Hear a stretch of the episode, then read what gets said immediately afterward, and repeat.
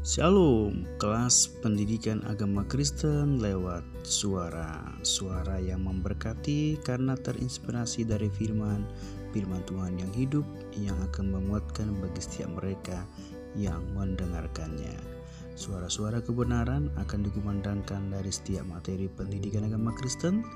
Hendaklah setiap mereka yang bertelinga mendengar sehingga kita tampil menjadi pelaku-pelaku firman untuk kemuliaan nama Allah memberkati banyak orang dan kita pun akan diberkati di dalamnya.